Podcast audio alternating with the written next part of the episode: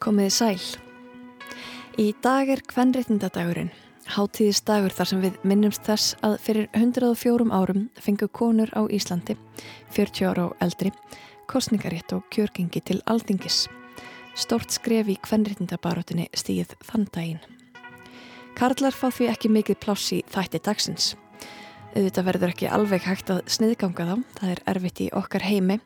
Til dæmis verður flutt tónverk eftir Karlmann í lok þáttarins. Ég vona að það far ekki fyrir brjóstið á neinum.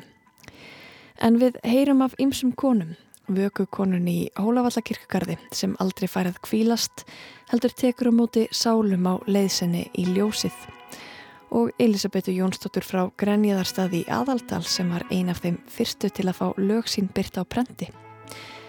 Í dag er kvenréttindadagurinn þar sem við minnumst áfanga í sögu kvenréttindabaratunar en í gær var stíði stort skref í annari baratu þegar lagafrumvarpum kynrænt sjálfræði var samþygt á alþingi. Við heyrum af því síðar í þættinum. En við byrjum á Guðrúnu Ottsdóttur sem aldrei færað kvílast.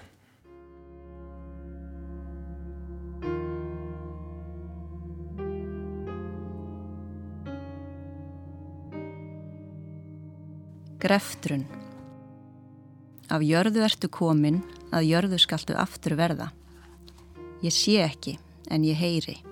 Heyri fótatak fyldarmanna, heyri sálma, heyri skrjáf í blaðsíðum. Heyri dökka mold sáldrast. Kallt og rakt novemberloftið, smígur gegnum óþjættan viðin, presturinn lofa mér löngum svefni.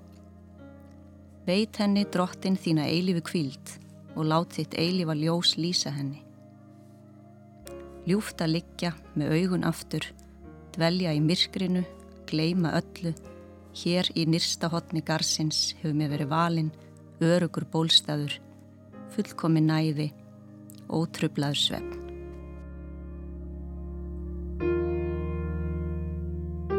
Guðrún Rannveig Stefánsdóttir er sest hérna hjá mér. Guðrún, þú ert með fallega bók í hendi. Segð ykkur eins frá e, þessari bók. Já, þetta er sem sagt bókin Vökukonan í Hólavallagarði sem er að koma út í dag og hún innheldur ljóð, ljóðabálk eftir mig um Vökukonuna í Hólavallagarði og svo er líka sem sagt sögulegur formáli eftir Solveig Ólafstóttir, sagfræðing og hún er líka með sem sagt eftirmála um líf Guðrúnar Ottsdóttir sem er Vökukona Garsins. Hver var Guðrún Ottsdóttir? Það er nefnilega merkileg saga. Guðrún Ottsdóttir sem sagt, hún lést árið 1838 þegar garðurinn var víður, Hóluvallagarður og hún var gift Þórði Sveimbjörnsinni Síslumanni sem var fítn maður og þeirra saga er mjög merkileg. Hún var svolítið eldri heldur en hann, nokkrum árum eldri og hún hefði stutt við baki á hann þegar hann var í námi og þau egnuðust mörg börn saman sem að, sem að létust öll, misti sagt, fimm börn. Wow. Þannig að þetta er svona sorgarsaga og ég sem sagt fór að kynna mér þessa sögu þegar ég heyrði um fyrirbæri vökumann og þá sem sagt heyrði ég að vökumadur Hólavallagarðs væri sem sagt kona. Er það ofennilegt? Kanski fyrir hlustendur sem ekki þekka til, hvað er vökumadur? Já, ég held að maður byrja á því að fara hans yfir það, en það er sem sagt vökumadur sam samkvæmt gamalli íslenskri þjóðtrú. Það er sá fyrsti sem er grafin í nýjum kirkugarði og hann fær það hlutverk að vaka yfir öllum sem á eftir honum koma. Þannig að hann fær ekki, hann fær ekki eilifa kvilt? Nei, sem er náttúrulega rosalega öfugsnúið þegar þú ert komin á þennan stað. Þá sem sagt, ef þú ert vökumadur, þá færð þú ekki að kvílast, heldur vak, vak, vakir sem sagt og tekur á móti öllum sem á eftir koma. Já, og það er, um, og þú hjóst eftir því að, að í Hólavallagarði er þetta kona og er það óvennilegt? Nei, ég hef nú ekki skoðað það sérstaklega hvort það sé óvennilegt.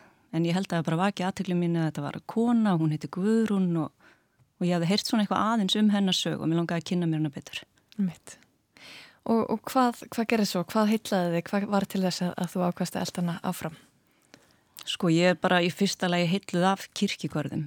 Kirkjugarðar, svona gamlir kirkjugarðar eins og hólavallagarður eru bara magnaðir staðir. Að ganga þar um og, og lesa grafskriftir og velta fyrir sér sögu og lífi mm. fólksins sem þar kvílir. Það er eitthvað svona, þetta er svona ótrúlega ljóðurrænir staðir sem er auðvelt að sækja innblástur í. Og við heyrðum í ljóðinu, hún er grafað nyrst í gardinum. Hvar nákvæmlega Er, er, er leiðana mert? Já, það er svona stór kross og það er sögu, sagt, það er svona spjald sem vísar á hennar stað, hennar sem sagt leggstað.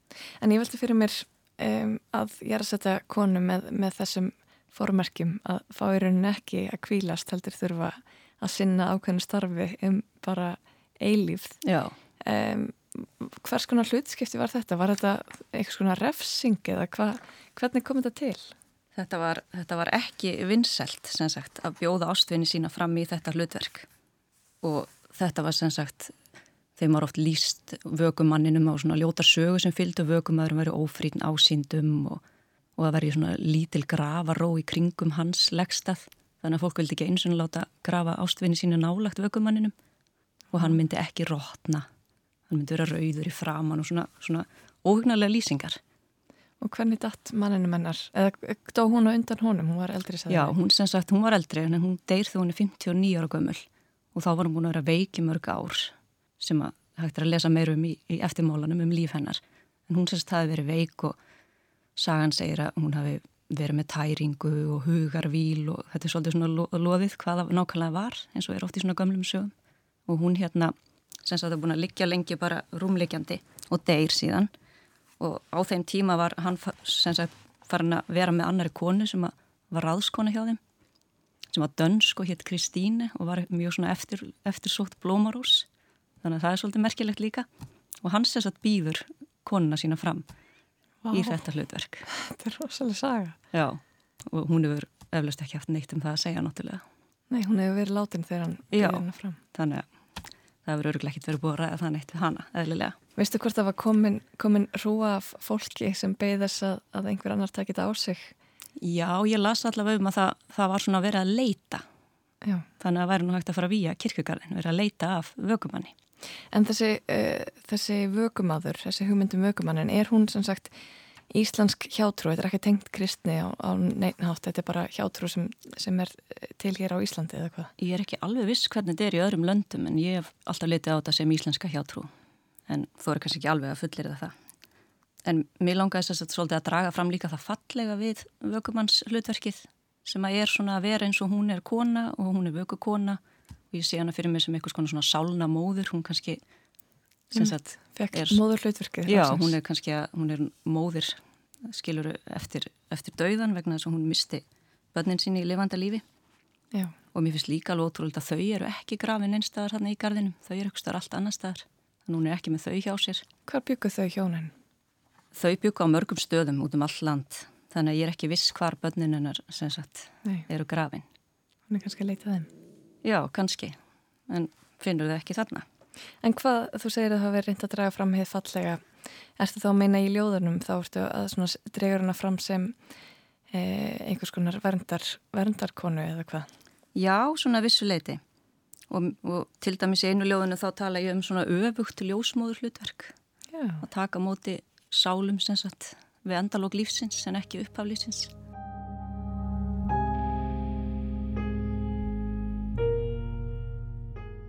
Að fæðast inn í dauðan. Ég er ekki ljósmóðir, ég er móður myrkursins. Hugsa til barnana minna fimm, fætti þau inn í dauðan, get ekki fengið að vaka yfir þeim. Þau eru alein, móðurlaus, langt í burtu. Í öðrum gardi, á öðrum stað.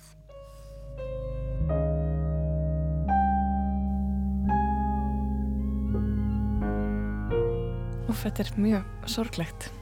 Já, það er það. En þú sagðir að, að bókin veri þrískipt, þetta eru þrýr kaplar. Getur útskilt uppbyggingu ljóðabókarinnar aðeins fyrir okkur? Já, þetta er sem sagt svona ljóðabálkur og í byrjun er það sem sagt rött guðrunar sem talar.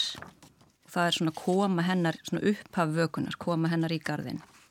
Og fyrsti kaplin heitir Vökuljóð, þar byrjar hún semst að tala. Og svo annar kapli, þá er það semst rattir annara kvenna í gardinum. Og hann heitir Lífið í gardinum og mér finnst líka svolítið skemmtilegt að hugsa um þetta með líf. Það er, mm -hmm. það er rosalega mikið líf í kirkjugarðum mm -hmm. sem er svolítið öfugsnúið Fallegt. en þetta er náttúrulega svona líf sem var og sögur. Og þá eru semst aðrar konur að tala. Og svo í þriðja kaplanum þá er það Guðrún og næturvaktin. Og þá er þetta svona hennar áframhaldandi endalösa vaka. Þegar hinnar sálurinnar fá svo að halda áfram inn í ljósið eða slíkt. og maður sér fyrir sig svona alla sofa nefnum einhvern eitt sem maður þarf svona að ráfa um og vera þreytur. En hversum valdur að hafa bara kvenrættir? Já, það er vegna þess að ég bara um leiðu þessi áhugin minn á kirkjugörðum kviknaði. Þá fannst mér líka bara svo merkilegt þegar maður var að lappa um og svona forvittnast um sögur fólks, skoða grafskriftir á leggsteinum og, og þannig. Þá stendur yfirleitt eitthvað svona aðeins sem segir manni hver kallmaðurinn var. Það stendur kannski bóndi eða læknir eða síslumadur eða eitthvað svo leiðis. Mm. Og ef ekki, þá stendur kannski hvaðan hann var, húst bæjarnafn eða, eitthvað svo leiðis. En nafn konuna stendur vel bara nafnið undir nafni kallsins og svo í mestalagi stendur kannski kona hans. Já, mitt. Og þá verður maður ennþá forvitnar að hugsa hvað er það að vera kona hans og hver, hver var hún. Þetta var hennar hlutskipti að verða eiginkona. Já, og stundum stendur ekki neitt. Einmitt. Eh, Skrifaður yfir ljóðin í garðin? Nei, ég skrifaði nú ekki í garðinum. Ég fór marga göngutúra um garðin og las sem sagt á, á steina eins og svona áhuga mál hjá mér Mm og puntaði kannski eitthvað niður en ég skrifaði þau heima. Og fegstu innblástur þá eh, fyrir rattir kvennana út frá þeim nöfnum sem þú fannst í garðinum? Já, Guðrún náttúrulega þá bæði fekk innblástur af því sem stendur á hennar krossi og bara því sem ég las um hann og því sem ég spjallaði um við fólk og svona bara velti fyrir mér og fekk hugmyndur um. En annars fekk ég svona kannski innblástur frá bæði nöfnum kvenna og bara öllum táknunum líka sem eru stundum á leggsteinunum og bara umhverfinu og, og eitthvað svona pælingar. Mjög spennandi. Það var gaman að fá að heyra eitt ljóður lokakaplanum úr, úr vöku, vöku guðrunar, næturvaktinni. Já.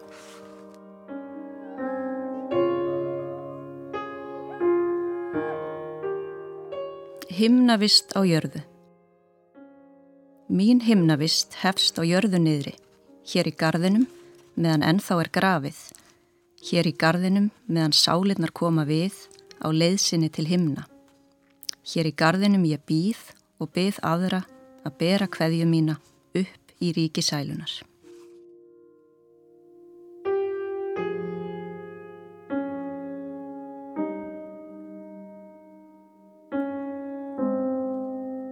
Ég sé ljóðin fyrir mér svona eins og eitthvað svona, svona drauma um liðna tíð eða minningar úr lífi kvennana.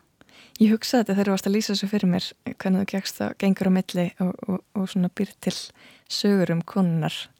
Þetta er, þetta er náttúrulega mjög sorglegt í rauninni að, að þessi kallmenn séu allir með, með eitthvað svona kennimerki Já, til þess að þeir gleymist örglega ekki og svo, og svo standa konunar hennar bara glemdar eiginlega.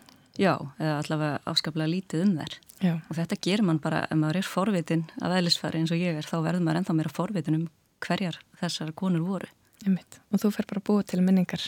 Já, ég svona leifi þeim að tala svona í, í min, mínum sem sagt, mínum skaldskap. Já, við skulum heyra hans hvað, hvað þessar konur hafa að segja. Kona hans eitt. Ég er nafn undir nafni, kona undir manni, manneskja undir yfirborðið jarðar. Mín verður minnst sem ástkjær eiginkona, sem elskandi móðir, en engin veit að ég átti mér drauma, langaði að elska í laumi annan mann, eignast annað líf.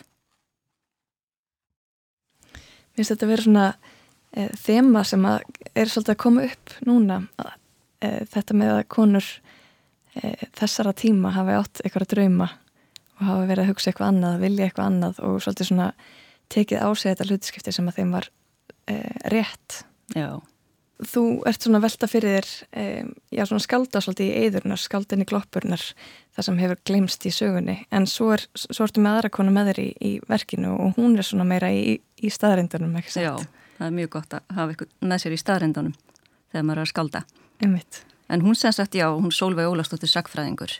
Hún hafi verið að grúska í sögu Garsins og, og sögu Guðrúnar lengi og við fórum að tala saman og það var þúra við ákveðum að gera þessa bók saman. Ég sem sagt með ljóðabolkin og hún með staðrendirnar með sögu Garsins sem er stórmerkileg og sögu Guðrúnar. Þannig að hún er sagt með formála um gardin og svo eftirmála um líf Guðrúnar þar sem hún rekur hennar lífs sögu. Þannig að maður getur svala bæði skaldlegu forvétni og forvétni um staðarindu málsins. Já, sem ég held að sé bara góð blanda. Algjörlega. En sem sagt, vöku konan í Hólavallagarði er komin út núna formlega, Já. kemur út í dag kemur formlega. út í dag hjá Sölku og, eh, og það verður útgáða hóf það verður útgáða hóf í dag klukkan 17 í Kjarvalstofu Östustræti og það eru bara allir velkomnir og það er þetta næla sér í eintak það er þetta næla sér í eintak og, og ég mun kannski lesa eitthvað upp á bókinni síðan í næstu viku þá verður söguganga í Hólavallagarði þann 27. á 5. daginn í næstu viku klukkan 8 og það verður tveggja tíma söguganga Þannig að þar verður sagan rakin og, og ljóðin tengt við ímsa staði í gardinum. Hann er náttúrulega stór og, og, og hérna, merkilegur og það, við löpum þannig á milli, ég og Solveig og Heimir Jánusarsson og sem sagt tengjum saman sögu og ljóð á staði. Einanlega til hamingjum með bókina Guðrun Rannvig Stefánsdóttir og kæði þakki fyrir komuna. Við líðum nú á lægið Brúður söngvarans eftir Elisabetu Jónsdóttur frá Grenjaðarstaði aðaldal. Meirum hana eftir örskamastund.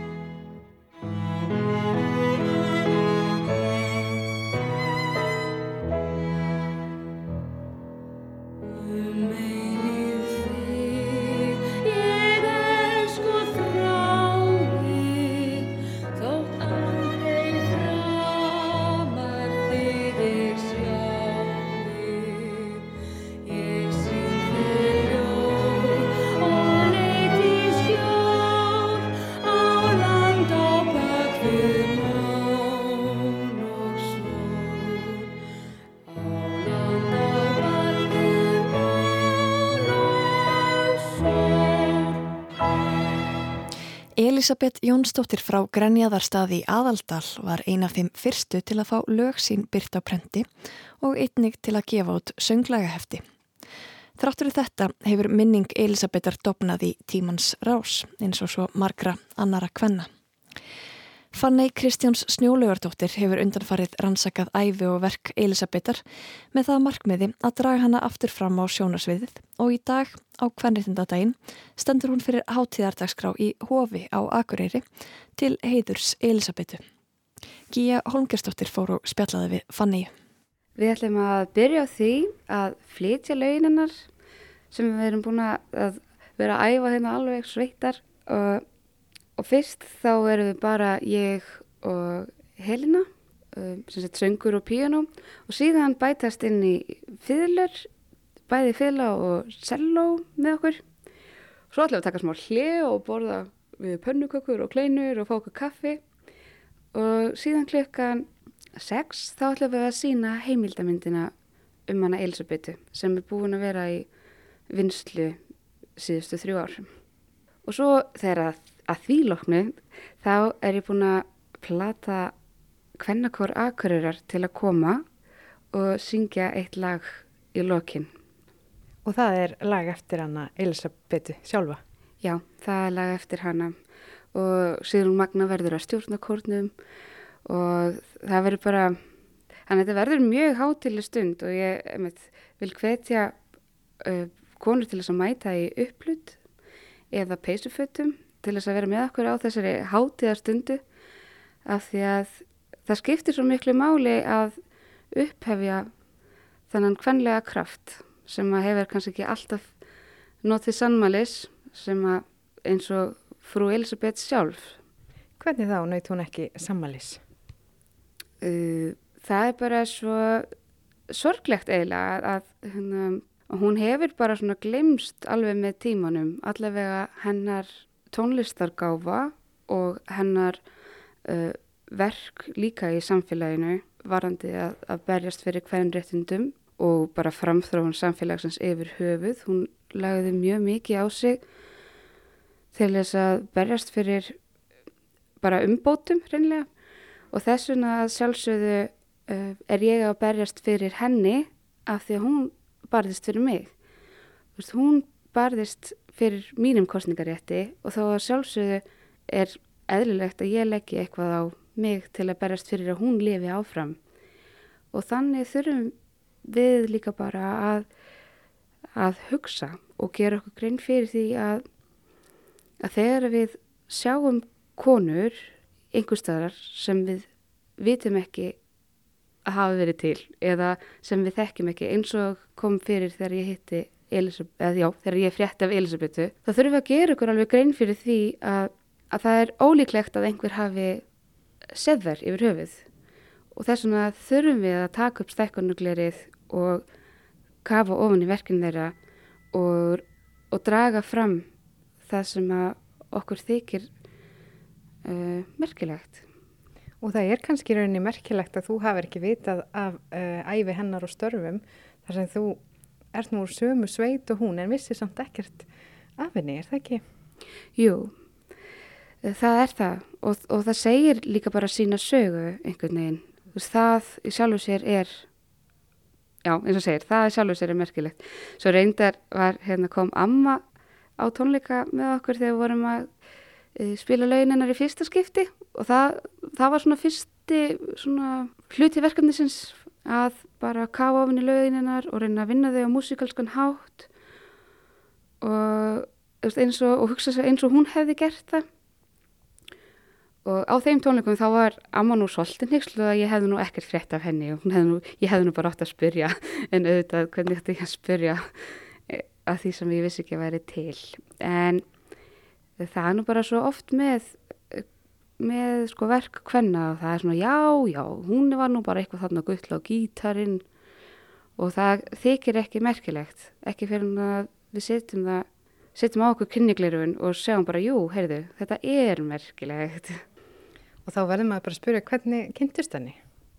Já, e, ég var að horfa á þátt sem að félag hvenna í tónlist gerði um sagt, þessar fyrstu konur sem að voru í tónlist? Eða voru fengu verk sem byrta á prenti eða, eða voru fyrsta til að syngja inn á upptökur eða eitthvað slikt og þá var fjallað um hana og ég var bara svo aldrei spýtt að ég hefði ekkert heyrt talað um hana að ég ákvaða að skoða tónlistinnar og svo þegar ég skoði hana nánar þá fann ég alveg að þetta var það góð tónlist að ég vildi ekki að halda bara eina tónleika með þeim, ég vildi gera eitthvað fyrir hana sem að væri varanlegt Uh, og þess vegna gáum við launinnar út núna 1. januar á 150 ára afmælistæginennar og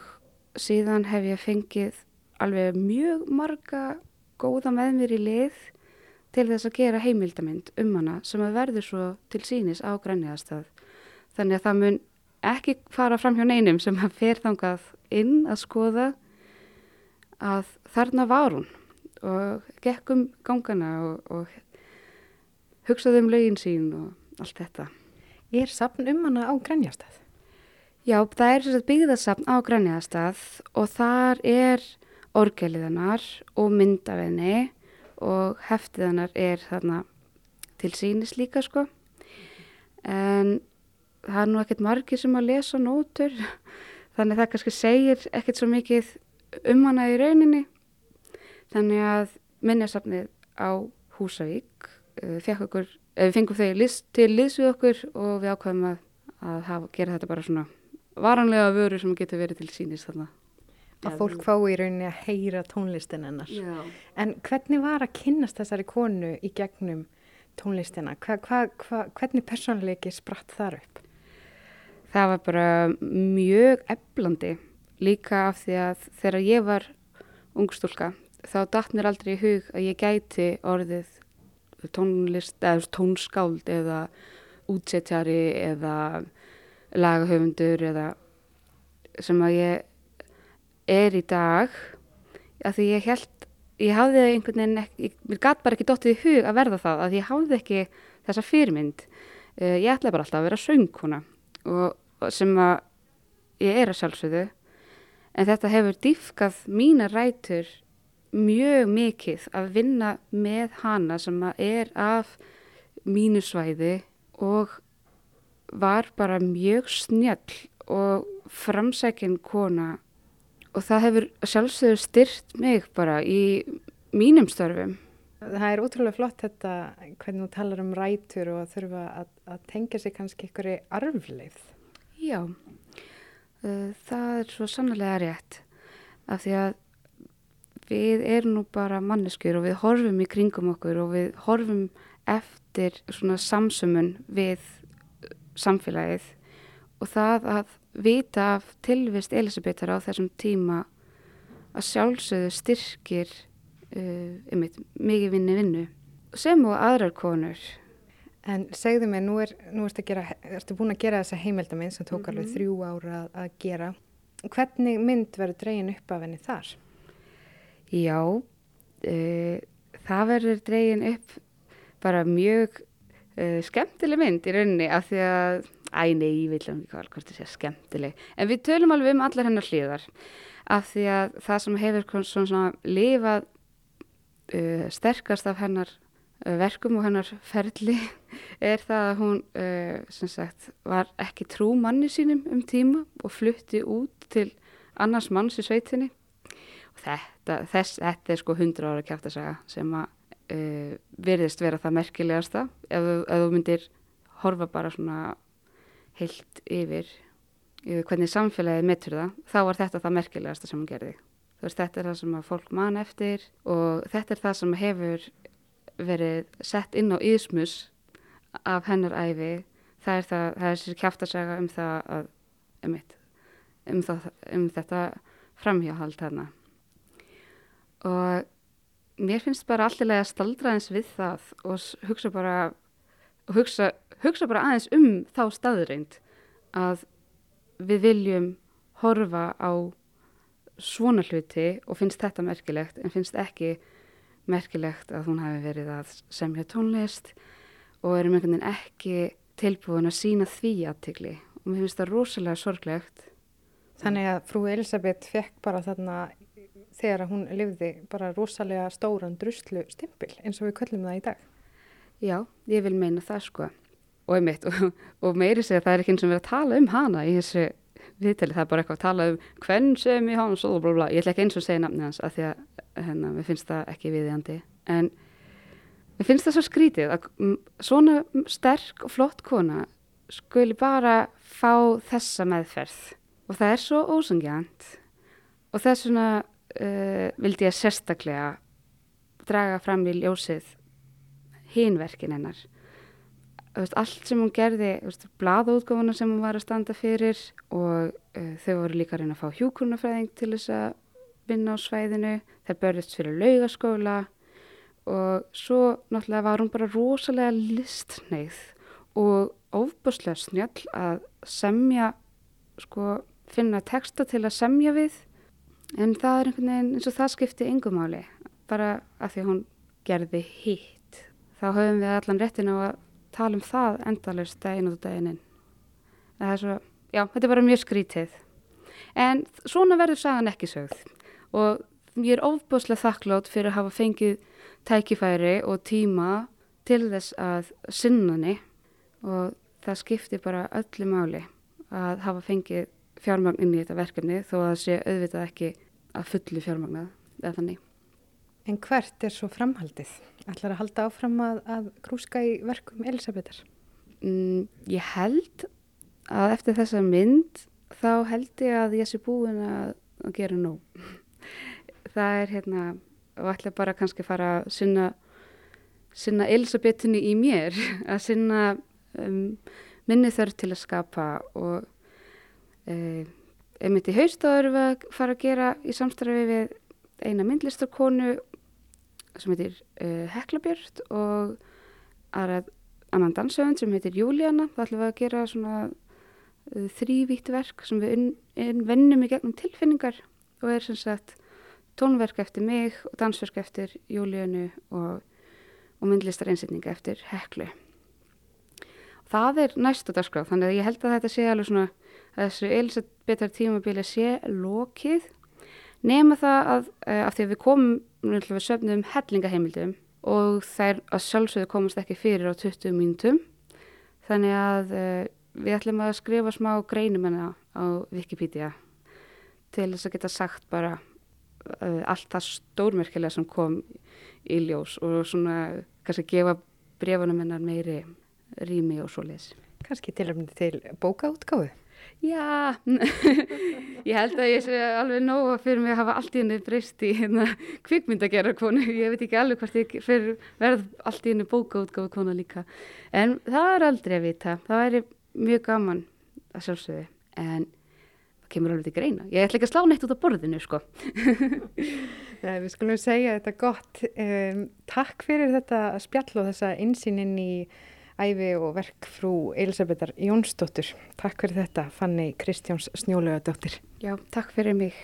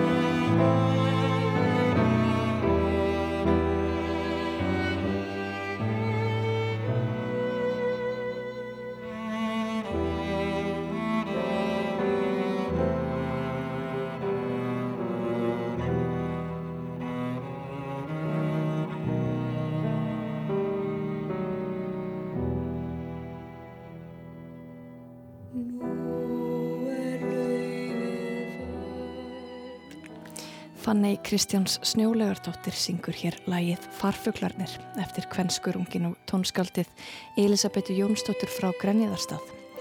Hún barðist fyrir kostningarétti kvenna eins og framkom í spjalli gíu við Fanniu hér áðan. Á þeim tíma fór barátt að kynsegin fólks svæntarlega mestmægnis fram innan brjósts. En tímarnir breytast á alla vegu og eins og farfuglarnir leitað betri samastað leitum við stanslustað betri heimi. Vangjalösu fugglarnir setja eftir heima.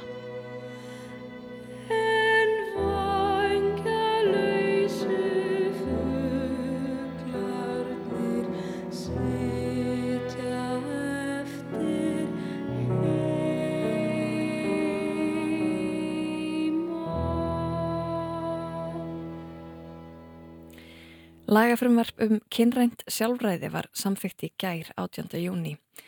Eh, hingaði komin Þorbjörg Þorvaldsdóttir, formaður samtakana 78 til þess að ræða eins um, um eh, þetta sögulega skref sem var stíðið í gær. Velkomin Þorbjörg. Takk kærlega fyrir. Hvað þýðir þetta? Hvað þýðir þetta? Já, þetta þýðir ímislegt. Eh, þetta þýðir að fólk þarf ekki aðkomu heilbreyðskerfisins til þess að geta breytt kynskráningu sinni í þjóðskrá til dæmis. Fólk mun geta valið aðra kynskráningu heldur en kall eða kona og mun geta skráð kynsitt hlutlust sem verður þá takna með X í vegabriði til dæmis. Og það eru svona megin breytingarnar e, sem að þetta frumvarp náði í gegn. Hva, en hvaða mótstöðu hafið, e, já, hafið þið og þessa hópur sem hefur unnið þessu frumvarpi fundið fyrir? Og... Sko kannski við tökum fyrst í raun og veru, það sem, það sem að gerist er að uh, gamlu lögin sem að voru sett ára 2012 og voru í raun og veru úrældum leiðu voru sett lögum kyn áttunar vanda mm. uh, þau hérna hváða á um það að fólk þurfti að hafa verið undir uh, handleyslu eða hérna transteimis landsbytala í átján mánuði áður en að gæta breytt kynskarningu sinni. Í þjóðskrá, í þjóðskrá og, hérna, og breytt nafni sínu og þurfti að fá samþykki e, eh, sérfræðinemdar fyrir þeirri breytingu. Og, og var það þannig að þú þurftir í rauninni að e, gangast við því að vera með geðsugdóm þá? Já, í raun og veru, já. Þannig að það var, þá er þarna inni í raun og veru í lögunum að þetta sé, já, að þetta sé geðsugdómur sem að, hérna, eru þetta alveg galið og þess vegna segja að þau hafa verið úrælt alveg já. Eh, um leiðu voru sett. En það sem þau gerðu var, voru að tryggja Eh, transinstaklingum heilbreyðstjónustu eh, sem var auðvitað gott skref. En, þess, þetta frumvarp sem að nú var samþygt í gær hefur verið í vinslu í fjögur ár, ef við skallast ekki. Jú, okkur. Og hvað, hvað hefur gerst þessum fjórum árum? Hvað hefur breyst? Hvað hefur komið inn? Hvað hefur farið út? Er lítur þetta eins út og því hafðu séð fyrir ykkur? Nú kom ég ekki að upphaflegu vinnunni við þetta frumvarp. Heldur fæ svona að fylgja því hérna síðasta spölinn en já, þetta frumvarp spratt svona upp úr grasrótinni í raun og veru. Uh, fólk sá að það þurfti að gera breytingar á lögjöf um trans og intersex fólk. Og upphaflegu draugin að þessu frumvarpi inniheldu mjög metna fullan kabla um uh, vend fyrir intersex börn eða börn sem fæðast með ódæmikjar kyninginni og það sem hefur kannski helst breyst frá því að, að þetta, þetta frumvarp var smíðað þanga til að það var samþygt nú í gær. Það er það að sákabli er farin út og í staðin kom inn uh, bráðabera ákvæði um að skoða í þessi mál betur og koma með tillögur af frumarfi eftir ár. Í hverju fólst vendin? Þetta var þá, voru, var þá vend um, gegn svona óafturkræfum, uh, ónauðsynlegum yngrippum mm. í líkamann sem að yfirleitt eru gerð í frumbensku og áður en að börn geta í raun og vera haft nokkuð um það að segja. Og í dag er það þannig að það er val fóreldra þá eða? Já, það er þá mat heilbrið starfsmanna og, og fóreldra. Mm -hmm. En í þessu frumvarfi þá sem var skilaðin, eh, þessum tillögum sem var skilaðin fyrst, þá var, þá var e, beðum að, að þessi börn nýtu algjörður verndar og ekkert er þið gert. Já, það var það sem kom upp úr, úr grásrótunni. Í mhm. ráðunitinu var, var súgrein tekin út og bráðbyrja ákveða sett inn Þessi grein kom svo aftur inn sem minnilöta áleitt allsverðar og, og mentamálunendar og hérna átjón þingmenn greitiði aðkveði en hérna en var vitanlega felt eins og við hérna, vitum. Mm -hmm. Þannig að það rataði ekki inn í þessari, þessari atrennu en, en við erum bara full vonar um að, um að það gerist þá bara strax eftir, eftir ár, kannski eitt og hóllt ár. Já, þannig að e, samtalið heldur áfram. Það gerir það, já. En þessi lög voru sem sagt samþekkt í gær lagafrumvarpum kynrænt sjálfræði, svolítið tákrænt, þetta var samþekkt 18. júni 17. júni er náttúrulega þjóðatíðadagur okkur Íslandinga og svo 19. júni kvennreitnindadagurinn. En kvennreitnindabaróttan og, og barótta annara minnileituhópa eða jæðarhópa hefur e, lengi haldist í hendur en líka svolítið svona orðið núningur þar á milli, ekki satt? Jú, vissulega, en ég held að hér á landi þá hafi þessi barátta yfirleitt haldist vel í hendur Mm. og auðvitað er hins einn barátta og til dæmis kvennréttindabaráttan þetta er í grunninn að mínu viti sami hluturinn. Við erum að berjast fyrir, fyrir jöfnur réttindum, fyrir því að fá að vera eins og við erum óháð öllum staðalýmyndum, kynhlutverkum og svo framvegs. Þannig að ég lít svo á að, að þetta frumvarp um, um kynrænt sjálfræði sé mjög feminist frumvarp og er mjög ána með það að kvennréttindarhefingin hér hefur, hefur tekið þessu uh, opnum örmum. Hvernig þá? Þau hafa stutt frumvarpið, Ó- sendt inn umsagnir og, og, hérna, og ég sá til dæmis að, að nokkrar slíkar hefingar voru að hérna, að deila fréttum að þessu í gær og svo les. Þannig að þau samgleðist okkur og, hérna, og það er bara ómyndilegt að við finnum fyrir þessum stuðningi uh, annar staðar úr barátunni. Mitt. Já, samtökun 78 náttúrulega eru regljóa samtök e, ímissa hópa Já, svo sannlega. þannig að það, það er svona kristallast þar hvað mest svona sam, að samklæðjast Já, 100% og það er bara, og við þekkjum það eigin reynslu að við verðum að standa saman að því að breyta samfélagin okkar. En hvaða træða er þetta? Hver er að tapa á þessu frumarfi? Sko, ég, er alveg kallmatt, Þorbjörg. Hver tapar þessu frumarfi? ég held að tapa enginn á þessu frumarfi. um, það hefur ekkert verið, ef ég á segja sér, hefur ekkert verið eitthvað rosalega træða. Þa, það eina sem að fólk hefur verið híkandi við er, er þessi kapli um intersex börna því þá erum við að koma inn á svið, kannski heilbríðskerfisins Mm -hmm. og þar er vissulega ákveðin træða. En þið, en þið var ekki fundið fyrir svona hugmyndafræðilegri træðu í, í samstæðinu? Nei, ekki af, af neinu viti. Hún kom aðeins fram í umræðum um frumvarpið, sérst aðra umræðu. Mm -hmm. Þá voru, hérna, voru nokkri þingmenn sem vildu velta upp hinnum ímtu spurningum eh, sem að bara reynlega eiga ekki við og sem að þessi, þetta frumvarp breytir engu um spurningum um, eins og um aðgengi transfólks af íþróttum og, Mhm. og slíkt. Já, sem Eh, er ekki til umfyllunar í þessu frumvarfi. Það er ekki til umfyllunar og það hefur verið þannig núna frá 2012 að, að fólk sem að e, fólk hefur haft fullréttindi á við skráð kynsitt. En að þið fórum aðeins að tala um feminisma og, og, um, og svona baráttu reyfingar, það er til hugtak á ennsku sem er skamstöfun sem heitir TÖRF. Já, Getur þú útskrift það fyrir hlustandi? Það er svona T-E-R-F. já. Uh, törf sem er, þetta er þetta erlend hugtak, það stendur fyrir Trans-Exclusionary Radical Feminism eða Feminist og í raun og veru þá stendur fyrir fólk sem að álítur sér feminista en er uh, á móti réttindum transfólks eða auknum réttindum transfólks. Reyndar er til annað hugtak sem að mér finnst öllu betra sem að eh, er skamstöfunin FART sem er Feminism Appropriating Reactionary Transphobe.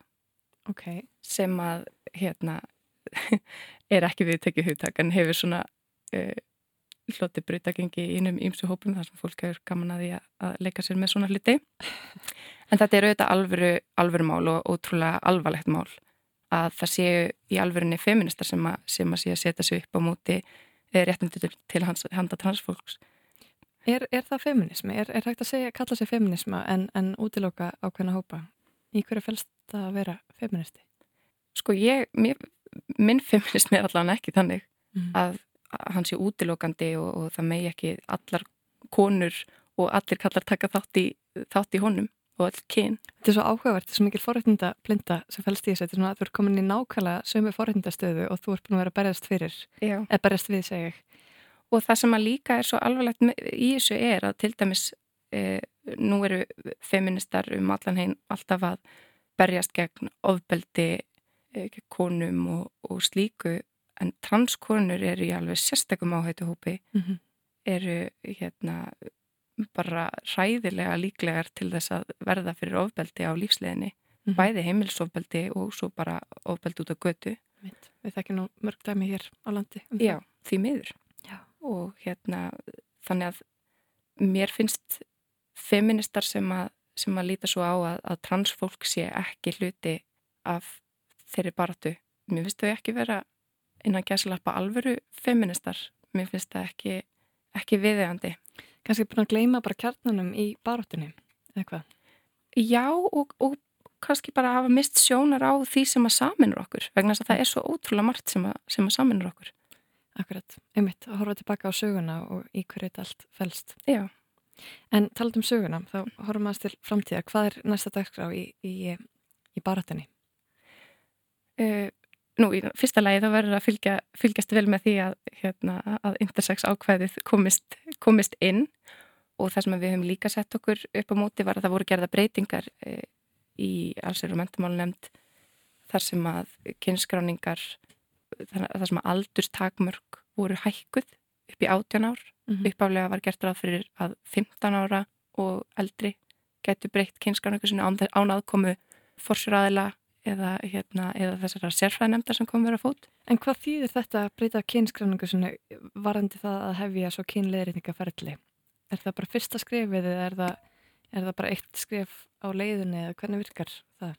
Það er í raun og veru ótengt þannig að þú getur, gætir þá breytt kynskráninguðinni og, og kosið að leita ekki til mm -hmm. heilbreyðskerfisins Já, einmitt en Ná. hérna, já ég segi nú kannski ekki ótengt en þetta er samt, sko, en, þetta eru tveið, þeir eru aðskildi lutir einmitt. þannig að kannski... það að börn sé að breyta kannski kynskráningu sinni þýðir ekkit endilega að þau ætli að strax í kynleðrættandi uh, meðferðir. Og það er kannski það sem er svolítið mikilvægt að tala um bara breytingar innan hugmyndafræði transheimsins mm -hmm. sem er eiginlega sér stað varandi uh, já, kynsegin leika að þurfi ekki endilega skilgrinna sig innan tvíkerfisins. Akkurat. Og, og, og kynrænt sjálfræði þá stýður þá hugmyndafræði. Já, og gefur fólki frelsi til þess að skilgrinna sig sjálft. Skilgrinna sig sjálft og, og til þess að skilgrinna sig ekki. Spennandi tímar framöndan og við vonum með þetta að, að allt fara á besta veg. Þorberg Þorvaldsdóttir, kæra þakki fyrir að koma og spella við okkur um, um lagaframverfi sem samþýtt var að gæra um kynrænt sjálfræði og til hamingju. Takk fyrir.